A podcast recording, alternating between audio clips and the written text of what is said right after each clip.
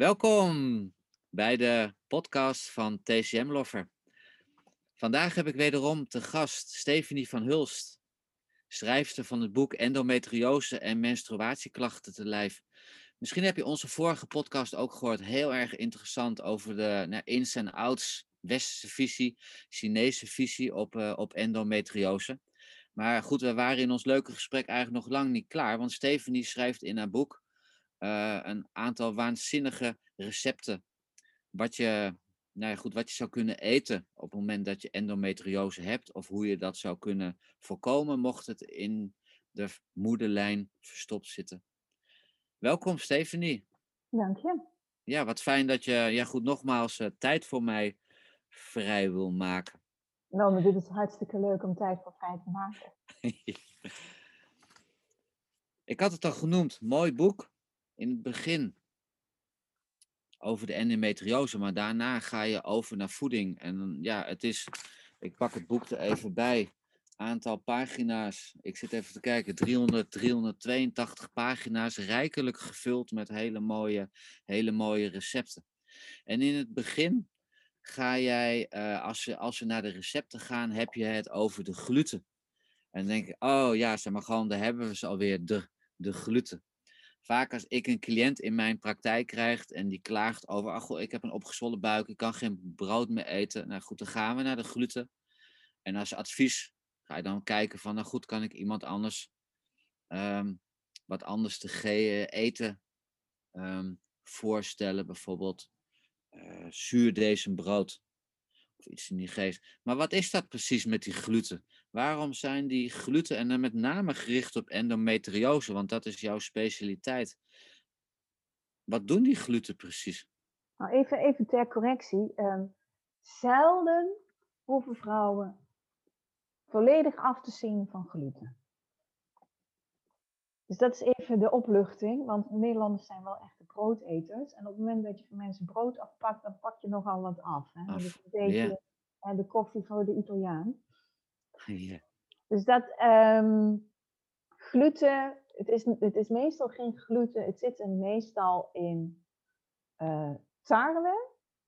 En daarbij, welk soort brood is het? En je noemde het net al zuurdezenbrood.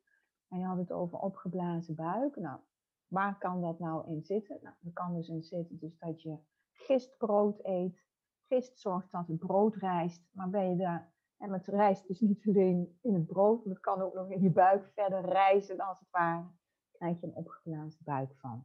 Dus dat kan een reden zijn waarom vrouwen klagen over opgeblazen buik. Waarbij ze misschien denken aan brood. Dus dat is het ene aspect. Dus is het gist of zuurdezen. Dat kan je gaan uittesten. Maar wat gebeurt er nou als je zuurdezenbrood gaat eten? Ja. Ook nog zo. Nou, dan kan het nog liggen dat je uh, niet zo goed tegen tarwe kan. Uh, en een enkeling, nogmaals, een enkeling kan helemaal niet tegen gluten. Maar er komt niet veel voor. voor. Gelukkig maar, want er zit, in zoveel producten zitten gluten. Dan, dan, dan is het ook een veel lastiger leven.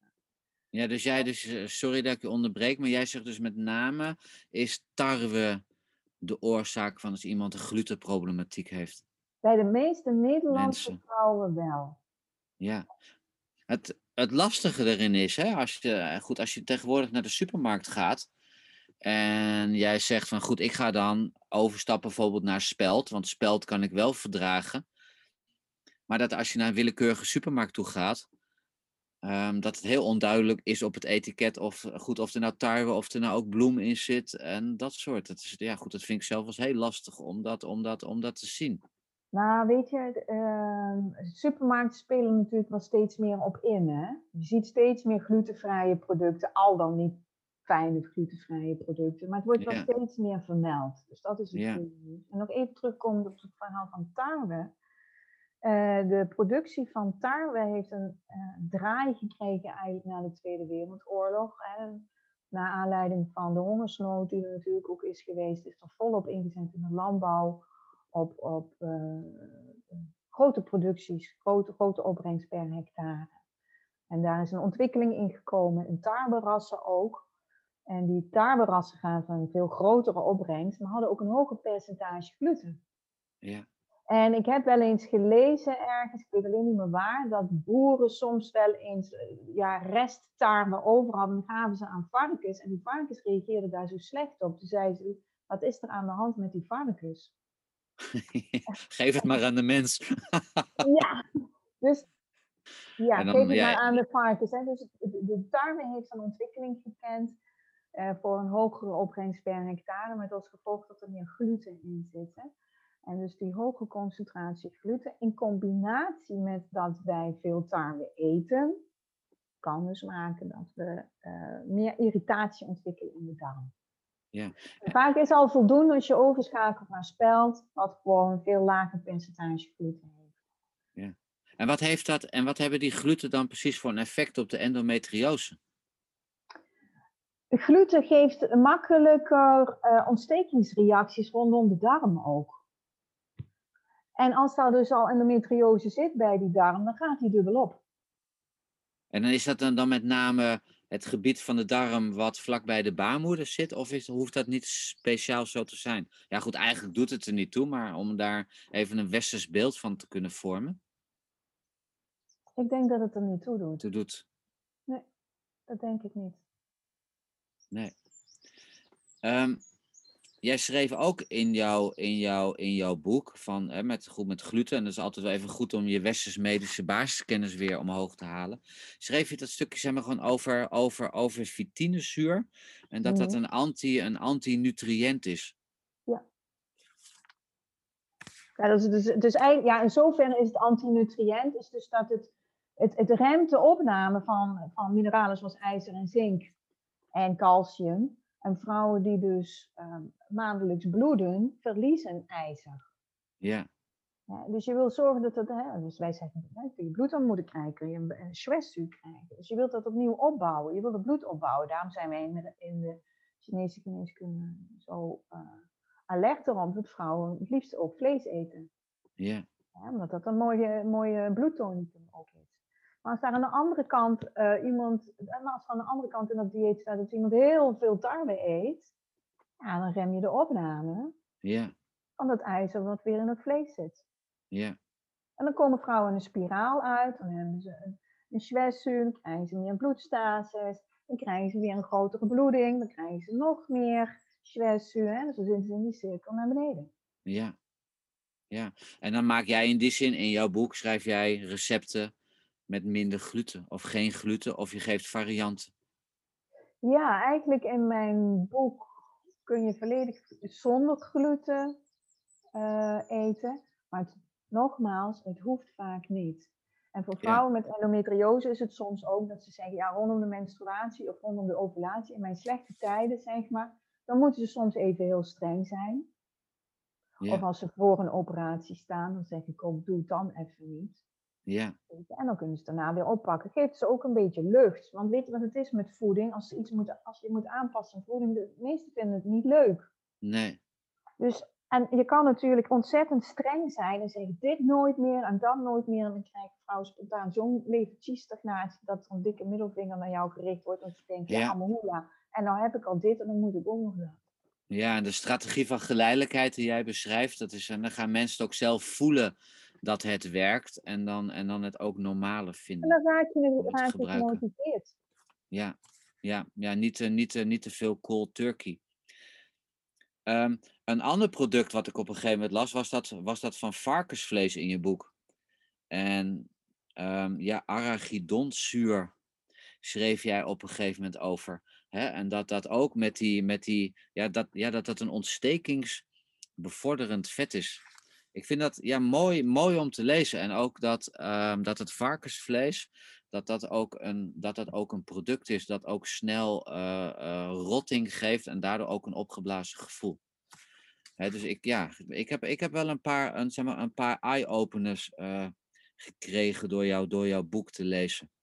Leuk. Nog, Kijk, nog en even, nogmaals, ik zeg ook altijd, ga het proberen.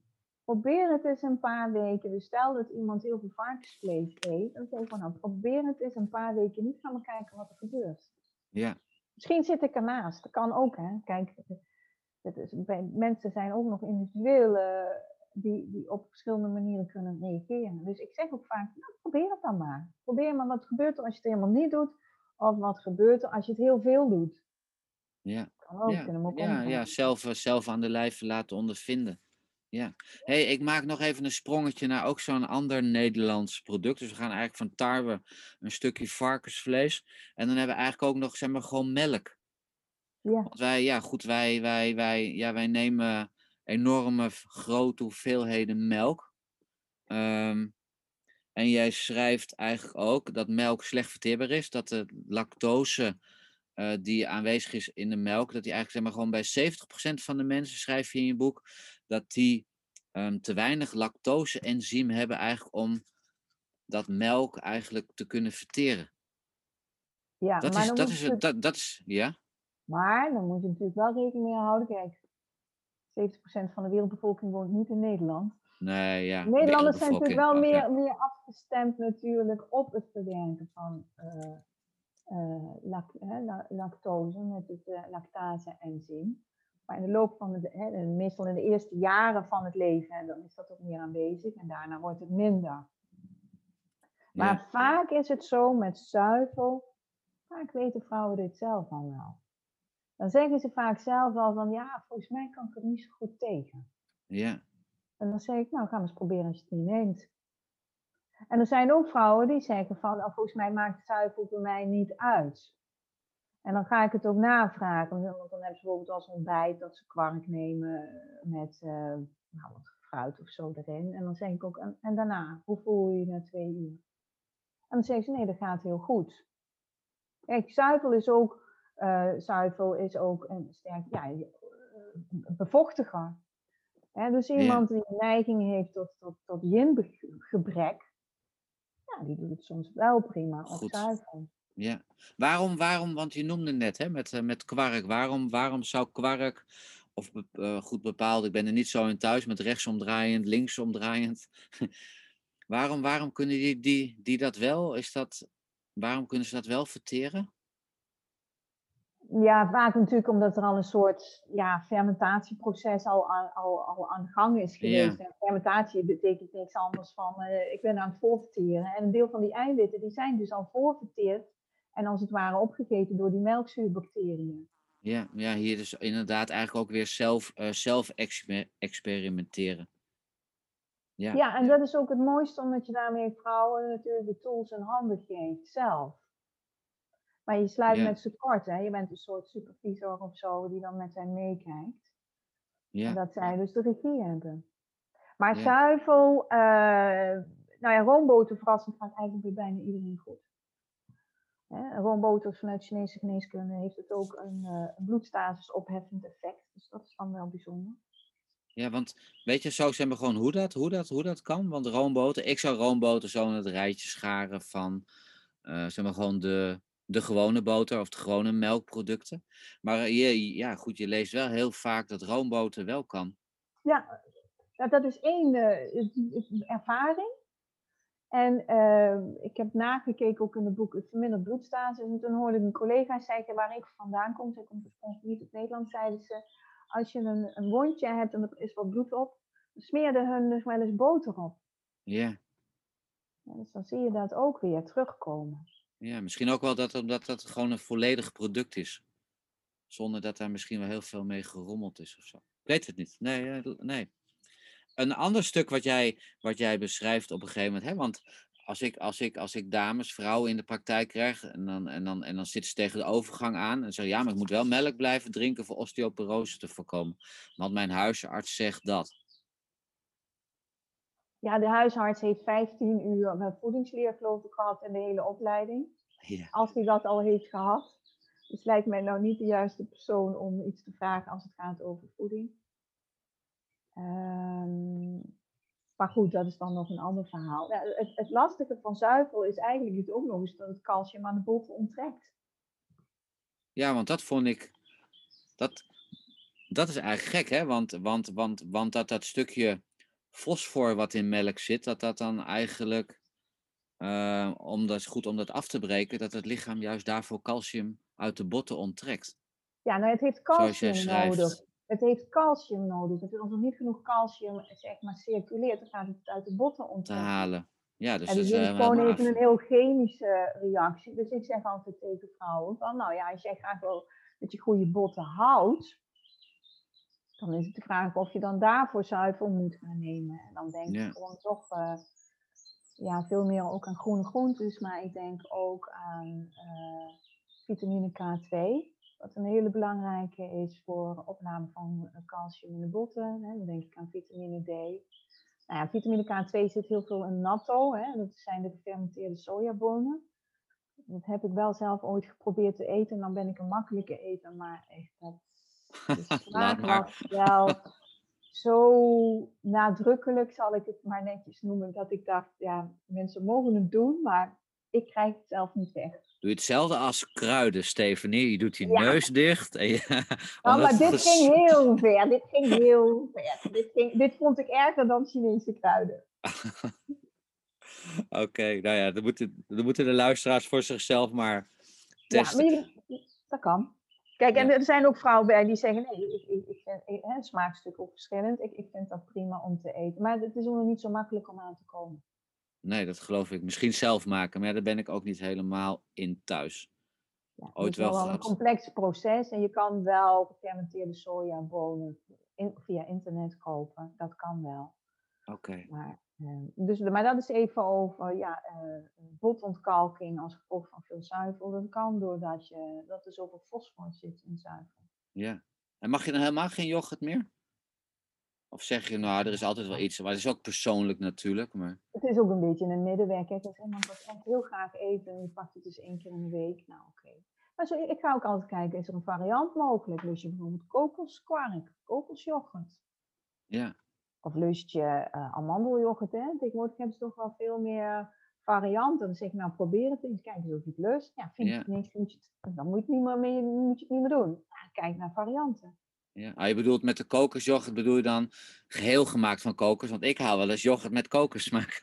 Oh, sorry, nee, ik bedoel echt yoghurt met een stukje helemaal gemaakt. chocola erin. Oh, die bedoel je niet. Nee, die bedoel je Nee, niet. die bedoelde ik nou net niet. Want ik dacht, nou, dat zou wel tof wezen, want die lust ik wel. ja, ik had nog, ik had nog één voedings... ehm, ja, goed, of, ja, goed, is het een voedingsmiddel? Het is eigenlijk meer een drankje, wat ik met je wilde bespreken in deze podcast. En het was over, over, over koffie. Ik heb ooit eens een keer een stukje gelezen in het, in het, in het, in het magazine van de Nederlandse Vereniging van Acupuncturisten. Hè, van, is koffie zo slecht?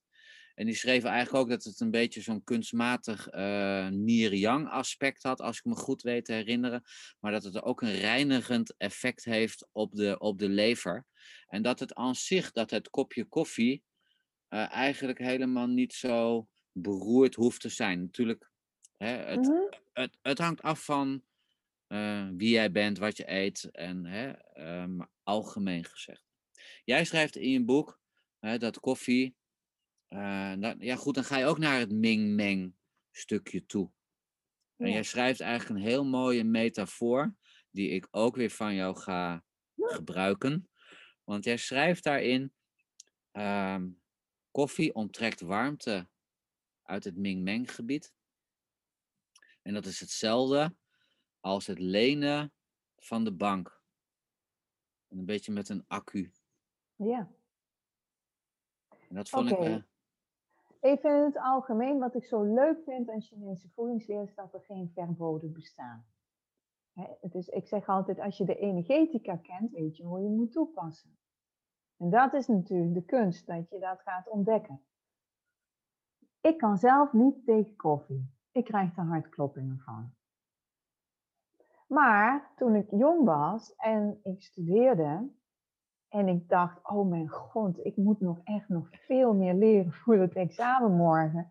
Dan dronk ik een half kopje koffie, dan stond ik s'nachts te stuiteren. Maar dan kon ik wel door. kan en wel je dan haal- tentamen maken, ja. En dan moest ik mijn tentamen maken. Hè? En, en koffie is ook een hartversterkertje. Weet je, want het verwarmt ook het hart. Dus vandaar ook dat we in Nederland de typische koffietafel kennen. Nou, een begrafenis. Ja. Dus als ik een begrafenis zou hebben, ja, nu in coronatijd is het allemaal anders, maar hè, en je hebt daarna een koffietafel, dan zou ik misschien ook één of twee slokken koffie nemen, omdat het een hartversterkertje is. Ja, Als je weet hoe je, wat hij doet, dan weet je hoe je hem moet toepassen. En koffie is een hele sterke verwarmer. En hij haalt dus eigenlijk energie uit je, uit je basis, uit je moment. En jouw accu noem ik het altijd naar klanten toe. Ja. Als ik begin over Ming Men, dan zeggen ze, wat, waar heb je het over? Waar ligt dat? Eh, maar ik heb het dus over accu. Nou, en de ene mens is geboren met een grote accu, en de andere mens is geboren met een kleine accu. En dat is natuurlijk ook uh, gerelateerd. En ik vergelijk mensen dan wel eens met auto's. Dat zeg ik ook gewoon. Nou, de ene is een, Ferrari en de andere is een Lada. En je weet dat je met een Ferrari liever niet door een woonwijk rijdt met al die drempels. Het rijdt niet lekker. En met een Lada is dat prima te doen. Hè? Dus uiteindelijk gaat het ook om hoe ga je om met jouw eigen accu. En die accu beschrijf ik eigenlijk ook als je noodopvang. He, dus dat je je dagelijkse energie, die haal je uit je slaap en eten en leuke dingen doen en beweging enzovoort. Maar soms heb je die accu nodig, ook voor bijzondere omstandigheden, omdat je ziek kan worden of omdat je in heftige situaties uitkomt. En dan moet je dippen op die accu. Daar is die accu ook voor bedoeld. Ja, ja. Nu, nu, nu geef jij wel een mooie voorbeeld van een Lada. Ik denk dat er misschien een deel van onze luisteraars niet meer weten wat een Lada of een Trabantje oh, is. Ja, ja, dat is waar. Dat dat is, is, nee, dat is een Russisch, een Russisch Oostblok autootje. Ja, maar weet je, het, het- nou het is, maar een Ferrari, dat, die, dat beeld hebben mensen Ja, wel en een hè. Lada. Dus dan zeg ik ook, als je een Ferrari bent, betekent dat er altijd heel veel in moet. Want die, hè, die gebruiken gigantisch, die gaan heel snel, maar ze hebben ook heel veel brandstof nodig. Dus ik leg dat ook uit aan de hand van een auto. Zeg ik ook, ik ga jou nu even vergelijken met een auto. Als je zo'n auto bent, en kijk, en je kan, als je, hè, dus, en je kan steeds van A naar B, maar die Ferrari doet dat heel snel. En, een, en een, eh, En een Lada. met een, een wat, wat ander soort auto kom je er ook, maar het duurt even wat langer. Nou, dus als je een accu hebt, die accu is eigenlijk je reserveopslag. En die heb jij nodig in tijden van nood. Die heb je nodig voor vrouwen, ook in de zwangerschappen. Hè? Dan wordt er dus echt op die accu getrokken. Dus Ja. de kunst is eigenlijk niet vooral van hoe ga ik om met mijn accu. Kijk, je kan natuurlijk naar je ouders kijken en zeggen, ja, ik had een grotere accu gewild. Maar ja, dat, dat krijgen we niet meer gekeerd. Nee. En dan wel kijken, hoe gaan we om met die accu? Nou, een koffie, daarmee dip je dus eigenlijk even op je, op je accu. En dat mensen die weten dat ook eigenlijk onbewust dan. Dan zeggen ze even een bakje koffie en dan kan ik weer door. Ja. Dat hoor je vaak, hè? Dus dan, dan, dan weet je gewoon, ah ja, die zitten te dippen op die accu. En ik leg ze dat dan natuurlijk uit. Van ja, dat kan je doen. Dan best op die accu dippen. Maar wat, wat als jij straks in een, in een lastige situatie uitkomt? Dan, Ja. dan is het ineens van, ja, accu leeg. ja, dan krijg je een te diepe ontlading. Ja. Hè, dus dat is even het algemene verhaal achter, achter koffie. Nou ja, en, en als je natuurlijk bedenkt dat eh, vruchtbaarheid heeft vaak ook veel te maken met, met hè, de kracht van je accu. Hè, en dan, en dus je accu moet goed opgeladen zijn. Ik zeg ook altijd, als je zwanger wil zijn, dan moet je energie hebben voor twee. Want je wil niet Ja. alleen zwanger worden, je wil het blijven. Hè? In de reguliere geneeskunde en in het ziekenhuis zijn ze alleen maar bezig, wordt u zwanger? En Chinees zeggen we, ja, allemaal leuk en aardig, maar je wil het ook blijven. Ja. Ja. Hè? En, en, en dan zie je dus ook, daar hebben ze dus ook onderzoek naar gedaan, dat als mensen cafeïne nemen, wat dus dat, dat accelererende effect heeft, dan zie je dus ook dat de vrouwen eh, minder eicellen aanmaken, dat de kwaliteit lager is. Maar je ziet ook dus meer ontwikkeling van endometriose blijkt. En dat is natuurlijk ook als je een, ehm, als je een stagnatie, eh, endometriose is stagnatie, dus even heel kort door de bocht redenering. Ja. Maar om daarmee om te kunnen gaan, heb je yang nodig, heb je kracht nodig om die stagnatie te doorbreken. Ja.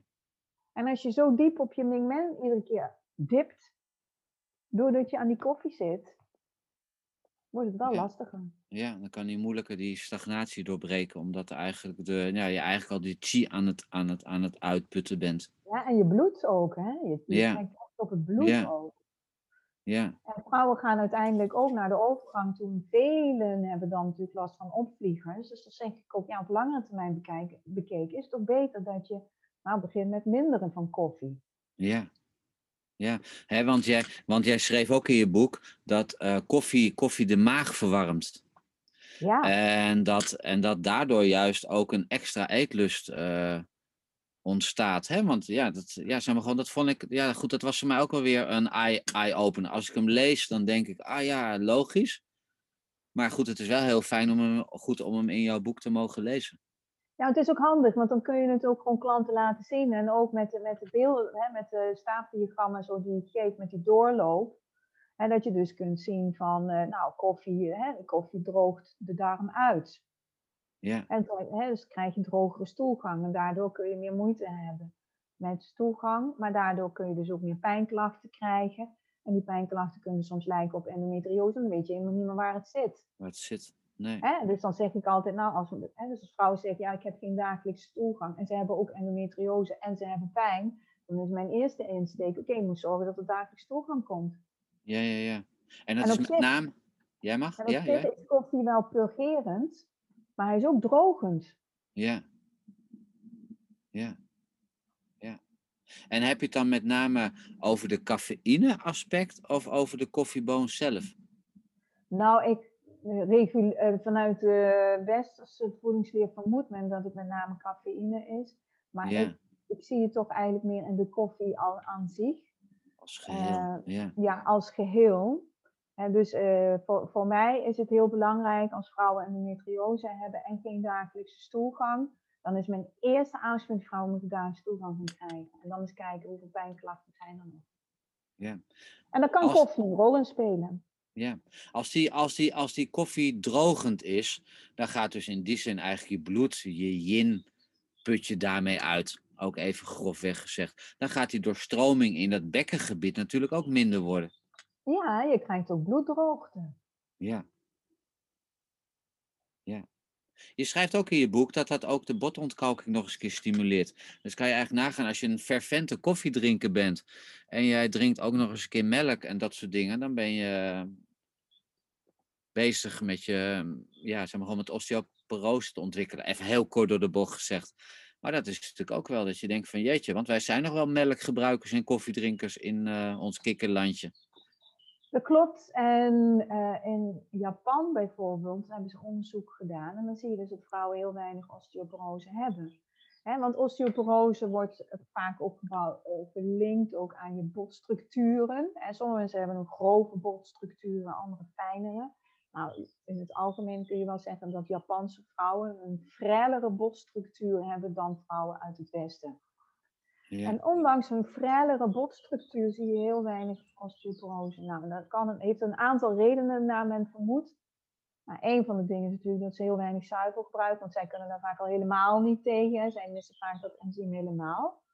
Eh, andere reden is ook natuurlijk dat ze veel eh, calcium binnenkrijgen in de vorm van, van zeelieroog, zeekraal, vis Ja. Waar een calcium in zit. Zij eten dus natto, hè, dat, waar dus die vitamine K2 in zit. Dus het maakt wel dat ik heel erg ben gaan denken over van ja, in welke mate is osteoporose nou echt een ouderdomskwaal en in welke mate wordt het nou veroorzaakt in hoe wij leven. Ja. Ja, ja, het zou heel goed gewoon pure, pure voeding natuurlijk kunnen zijn. Of puur, maar voeding zou daar Dat- een hele grote rol in spelen. grote- ja, ik denk dat voeding daarin een hele grote rol kan spelen. En natuurlijk, hè, in de loop van je leven, eh even bot gezegd, takel je af. Maar je kunt Ja. natuurlijk wel kijken in welke mate je dat kan vertragen. En dat je botkwaliteit toch goed blijft. ja. Nu zullen sommige mensen, hè, want we hebben het over de melk gehad, we hebben het over de koffie gehad. We hangen aan ons toetje, we hangen aan onze kop koffie. En dan zegt de therapeut van, nou goed, zeg maar gewoon die, eh, zeg maar gewoon die houdt zijn verhaal en die legt uit. En dan gaat een eh, metaaltype die zegt van, nou, ik ga nu cold turkey, ik ga stoppen met koffie. Maar die ontwikkelt dan, zoals je eerder zei, eh, zeg maar gewoon een levensstagnatie. Omdat hij opeens, zeg maar gewoon niet meer, niet meer mag. Hoe zou, je, Ja, hoe, hoe, hoe, hoe zou je zo iemand dan, dan adviseren? Zeg je dan minderen? Ga van. Ga, ik Nou ja, heb wel eens iemand. zeg ik altijd, van als je dan toch koffie drinkt, dan wel de echt hele lekkere. Hè? Niet de automaatkoffie. Dan ga je ook voor de, jouw absolute favoriet. Dat zeg ik. En dan zeg ik ook, pak een kleiner kopje. Ja, Dat scheelt ook al.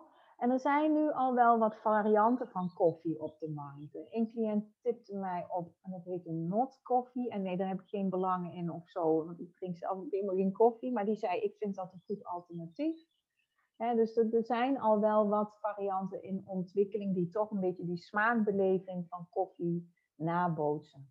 En hoe noemde je dat? Not en... NOT, ja, not koffie. En je hebt natuurlijk ook bamboekoffie. En er Ja. zijn al wat varianten. En dan zeg ik gewoon, probeer maar, kijk maar of er iets voor je bij zit wat je lust. Ja, En dan heb je dat dan misschien als alternatief. ja, En ga anders in eerste instantie minderen. Kijk, sommige vrouwen hebben het echt nodig om de dag te kunnen starten. Oké, maar doe het dan niet meer later in de middag. En kijk dus of je alternatief. Of kijk dan ook van waar komt het vandaan dat ik koffie wil. Is het gewoon ook omdat ik heel erg moe ben? ja. Ja, mooi. hey, zo, eh, zo schrijf jij verder over frisdrank. Je schrijft verder in je boek over vruchtbaarheid. Er komen nog allerlei andere voedingsmiddelen, dranken, komen, zeg maar, gewoon passeren de revue. Ehm, mijn, mijn aanbeveling aan de, aan de luisteraars is, eh, kijk even in de show notes. Ehm, kijk even naar de titel van het boek. Hè? Die, kan er, ja goed, die kan er voor jezelf echt veel uithalen. En ik wil het zelfs eigenlijk nog wat breder trekken dan endometriose alleen. Omdat je met de tips die Stephanie jou gaat geven in het boek, of die jou geeft in het boek, eh, is sowieso een stukje zelfverrijking voor jouw persoon zelf. Maar ook als therapeut. ehm, ja, goed, vind je daar veel handige tips in. En krijg je eigenlijk wel een stuk breder dan krijg je, goed, krijg je een breder inzicht dan dat je wellicht ehm, al had. Ja, En je, hebt gewoon heel, je kunt heel makkelijk ook met recepten aanbevelingen doen. Hè? Dus dat mensen, ja, we moeten het dan eten. Kijk je even het boek. Lust je dit, lust je dat? Wordt het leuk? Voeding moet leuk zijn en niet alleen maar verboden. ja, mooi. Hey, nog even, nog even één vraag, want hoe kunnen ze aan jouw boek komen? Ja, dat is alleen te koop via mijn website endometriosetelijf.nl. Ik heb het in eigen beheer uitgegeven. Eh, met reden omdat ik op geen enkele manier aan eh, kwaliteit wilde toegeven. Ja, En het is uitsluitend eh, te bestellen via deze site. Oké, die, schrijf ik in de- die schrijf ik in de show notes. Dus het gevolg is misschien wel dat jij binnenkort 80 keer naar het postkantoor toe moet om pakjes Heel op de graag. bus te doen. Heel graag. Ik loop graag naar de postbus. ja, maar daar past het denk ik niet doorheen. Dus je Terwijl echt het wel... past er doorheen. Het past, er past- doorheen. Er is, er is een hele zoektocht aan vooraf gegaan, maar het past door de briefbus. Heel goed. Nou, dan gaat dat in ieder geval dan, goed, dan gaat dat goed komen. Hey Stephanie, ik, eh, ja, goed, ik dank je hartelijk. Het was, eh, het was een, zeer, eh, een zeer verrijkend en eh, plezierig gesprek. Geheel wederzijds. Leuk. Dank je wel. Oké. Dankjewel voor het luisteren naar deze podcast van TCM Lover. Op www.tcmlover.com vind je online tools ter verbetering van jouw vaardigheden als student Chinese geneeskunde of als beginnend therapeut Chinese geneeskunde.